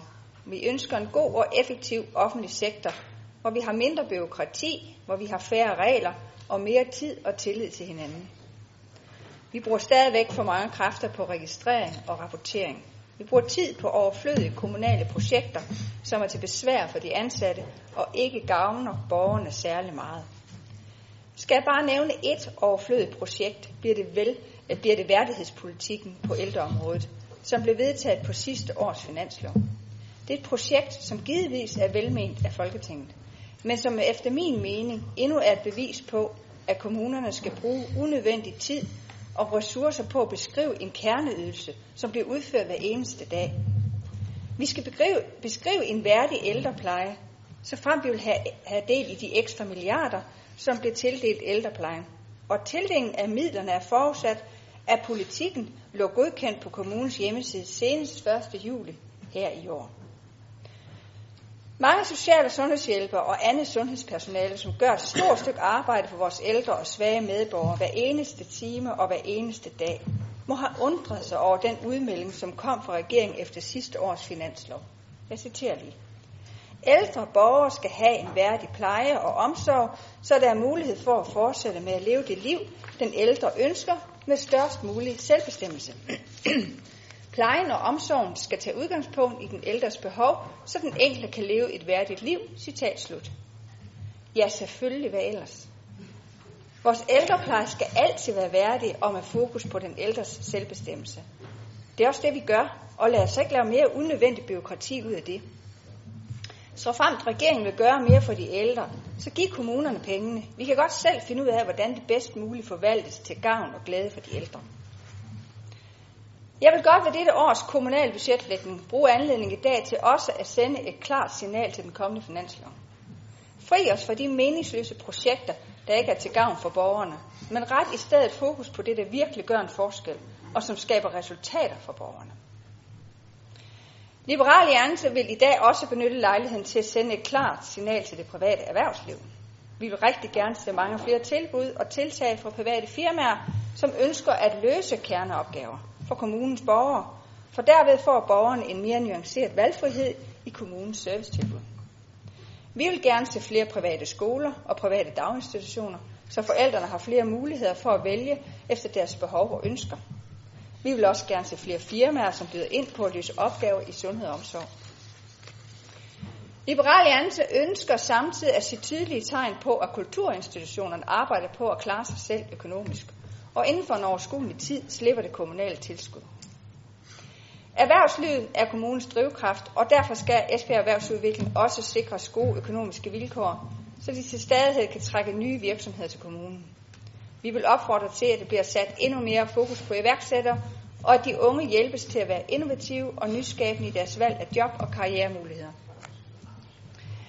Som medlem af børn- og familieudvalget, der vil jeg også i dag give udtryk for, at jeg er bekymret for vores børneliv. Det er min klare opfattelse, at børn i skoler, daginstitutioner er alt for lidt sammen med voksne. At der er alt for lidt voksenkontakt til hver enkelt barn. KORA har med 2014-tal jo analyseret kommunernes personaleforbrug i dagtilbud i form af personalnummering i dagpleje og daginstitutioner.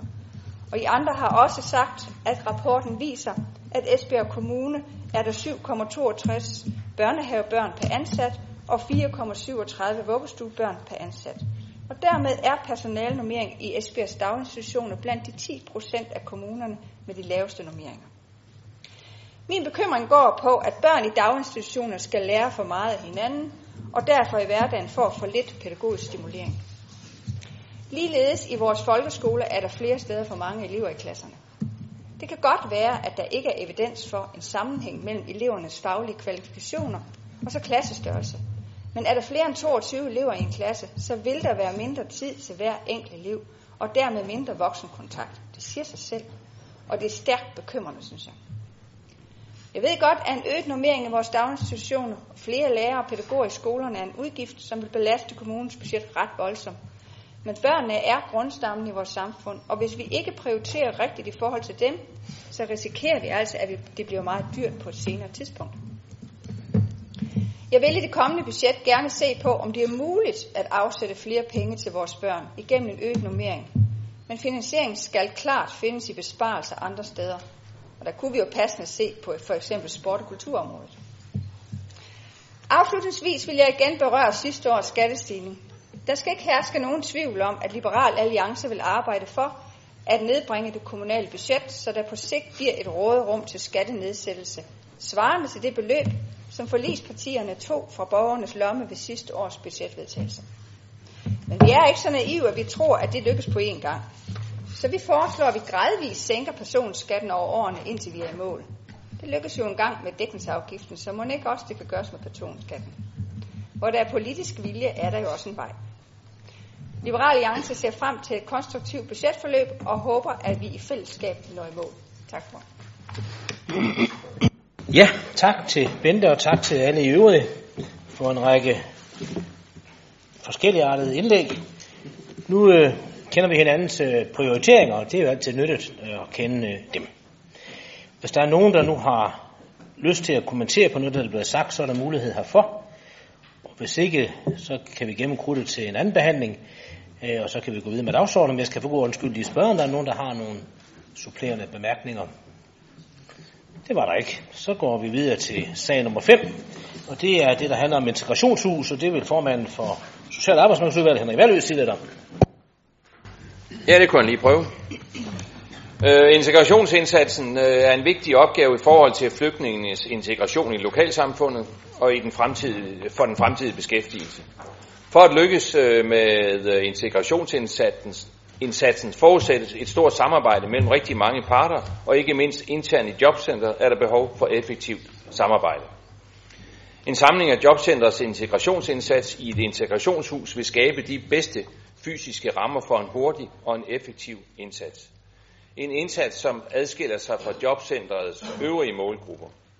Integrationsindsatsen skal være styret af tydelige mål og strategier, således at så mange flygtninge som muligt bliver selvforsørgende i den treårige, integration, i den treårige integrationsperiode.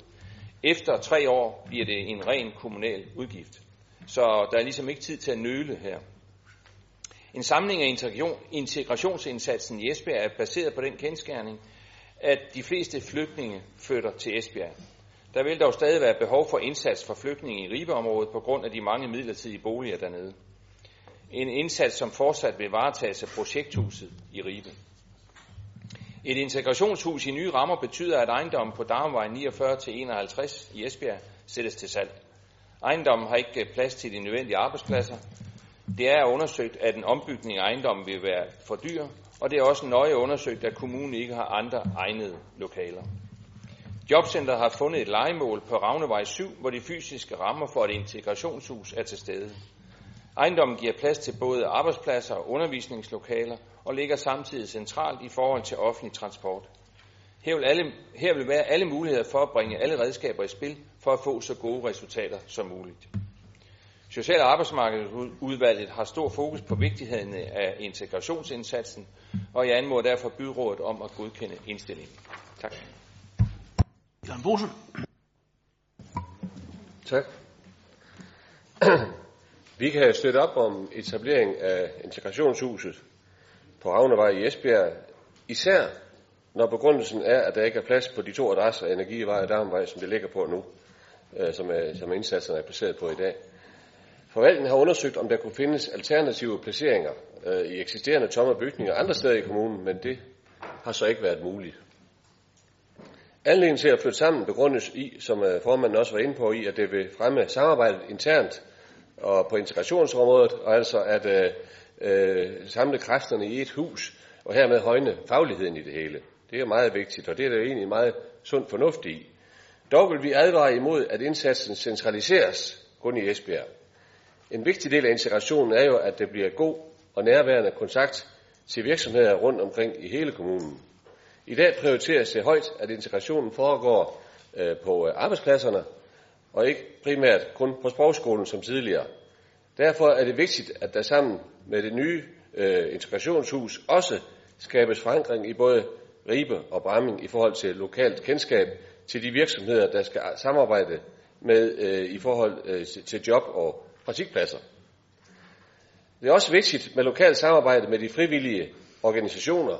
Vigtigt, at der er synlighed og lokalt kendskab. Det skal nemlig prioriteres højt. Der er mange succeshistorier rundt omkring i hele kommunen. Det skal fastholdes, så derfor skal vi passe på, at vi ikke kommer til at centralisere indsatsen. Men øh, der skabes et bredt ejerskab. Øh, mange vil gerne gøre en indsats rundt omkring.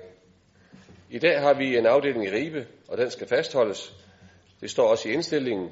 Nu ved vi ikke, hvor mange der kommer til Bramming-området, men øh, kommer der noget, der ligner antallet i Ribe, skal vi også sikre, at der er en form for forankring her. Tak for ordet. Ja, tak. Der sker i øjeblikket en folkevandring af muslimer her til Danmark, og der vil vi ikke være med til, at vi skal her til at lave nogle øh, særtilbud til dem. Derfor ønsker vi, at i stedet for det her, at vi får dem sendt hjem, og vi siger nej til det her forslag. Ja, hvem kan stemme for indstillingen på denne sag? Ja, hvem stemmer imod? Yes. Så går vi til sag nummer 6. Der handler om beretning fra 2015 om det, der kaldes magtanvendelse og andre indgreb i selvbestemmelsesretten samt værgemålsager. Og det er Henning Ravn, der vil sige lidt om den sag. Det vil jeg da. For det er sådan, at hjemmeplejen og plejecentrene i Esbjerg Kommune har stort fokus på at begrænse brugen af magt og andre indgreb i borgernes selvbestemmelsesret til det absolut nødvendige. Det kan dog i ganske enkelte tilfælde være nødvendigt at bruge magt eller tvang for at kunne overholde kommunens omsorgspligt over for en borger. Af den beretning om magtanvendelse i 2015, som vi i byrådet har modtaget til orientering, fremgår det da også, at det kun i forholdsvis få tilfælde har været nødvendigt at anvende magt i 2015. Begrebet magtanvendelse, som det er defineret i serviceloven, strækker sig lige fra brugen af alarmsystemer og særlige døråbnere til fysisk fastholdelse og fastspænding. Set over årene 2012 til 2015 tegner der sig en faldende tendens i brugen af fastholdelse, mens brugen af tekniske foranstaltninger som alarm- og pejlesystemer og særlige døråbnere viser en lille stigning. Medarbejderne i hjemmeplejen og på plejecenter modtager løbende undervisning i socialpædagogiske metoder som et alternativ til magtanvendelse. De undervises i reglerne for brugen af magt og tvang, og der er udarbejdet faglige standarder for området. Sundhed- og omsorgsudvalget indstiller til byrådet, at beretningen for 2015 om magtanvendelse og andre indgreb i selvbestemmelsesretten samt værgemålsager for sundhed og omsorg tages til efterretning. Tak. Freddy? Tak. Ikke fordi vi vil stemme imod det her. Vi, øh, vil, vil, vi går selvfølgelig ind for det, det for, der, den indstilling, der ligger her. Men vi er lidt kede af, den, af ordet magtanvendelse. Og derfor vil vi prøve at se, om vi ikke kan finde et andet ord for det her. Fordi vi synes ikke, det, det lyder godt, at man har en magtanvendelse over for de her syge. Men altså, vi stemmer for det her, vi synes, det, det er godt nok. Ja, den er hermed vedtaget. Så går vi til sag nummer 7. Det er plan for Marbæk-området. Vil du sige lidt om det, John? Ja tak, det vil jeg gerne. Jeg kan sige, baggrunden for den her plan, det var egentlig en workshop, som blev afholdt øh, med deltagelse af en bred skare interessenter. Formålet med workshoppen, det var at få udarbejdet en plan øh, for det her fantastiske og skønne naturområde, vi har i øh, kommunens nordvestlige hjørne ud med Hobugt, nemlig Marbæk-området. Et område, som fremsynede kommunalpolitikere allerede for en 40-50 år siden begyndte at opkøbe for at fremtidssikre et naturskønt og kystnært rekreativt område i det daværende Esbjerg Kommune. Og netop ved at inddrage en række eksterne interessenter, kan vi som byråd og som kommune sikre os, at øh, mange interessegruppers ønsker kan tilgodeses i sådan en plan. Vision 2017 er fase 1 i Marbæk-planen, og det er den del, vi her i byrådet behandler lige nu. Der er udarbejdet en overordnet disponering af området, så både intensiv benyttelse og ekstensiv benyttelse, men også naturbeskyttelse kan finde sted. Naturplejeområderne omfatter både en lysåben natur, det drejer sig om skov, og ikke mindst de internationalt beskyttede Natur 2000-områder. For at sikre borgernes adgang til området etableres der tre knudepunkter med parkeringspladser, informationstavler og toilet og wifi. Men store dele af områderne vil vi nu også gøre fredeliggjort for biltrafik. De her tre øh, knudepunkter, øh, de vil fysisk placeret, blive placeret i Sønderhede som det ene sted, Myrtugård, som skal være formidlingscenter for Nationalpark Vadehavet, og Marbækgård, som skal være informationscenter om Marbæk-området. Så vi knytter de tre ting sammen. Der skabes også en sammenhængende stisystem, og det synes vi er meget, meget vigtigt i området, hvor for eksempel også både vandrere og naturelskere kan, kan adskilles fra mountainbikere, øh, sådan at, at de forskellige aktiviteter adskilles, og alle får øh, en god oplevelse. En del af planen kan udføres som en del af, af, drift, øh, af den daglige drift, mens andre projekter her, øh, som skal udarbejdes, øh, ja, så kan det være, at der skal konkrete udviklingsforslag til fremtidige budgetlægninger, og eller, som vi også har erfaringer med på andre områder, at projekterne de kan gennemføres med eksterne partnere og fondsmidler. Nu skal I holde ørerne stive, fordi det både er plan- og miljøudvalget, det er kultur- og fritidsudvalget, det er teknik- og byggeudvalget, det er børn- og familieudvalget og økonomiudvalget, der indstiller til byrådet, at planen godkendes, så vi kan få den her ud i en 8 ugers offentlig høring. Ja, var nogen, der følte sig forbigået? Hvis ikke, så gør vi, som det her er foreslået. Og så vil vi gå til sag nummer 8 og høre, om John har med samme stor entusiasme kan sige noget om fire forsinkelsesbassiner. Ah, den bliver nok lidt svær, øh, borgmester, men dog vil jeg sige, at det, det drejer sig om her, det er, at vi skal kunne håndtere regnvandet fra Andrup, Vejer, Brøndum og Bramming. Øh, ja, så er det nødvendigt, at vi øh, får øh, etableret fire forsyningsbassiner.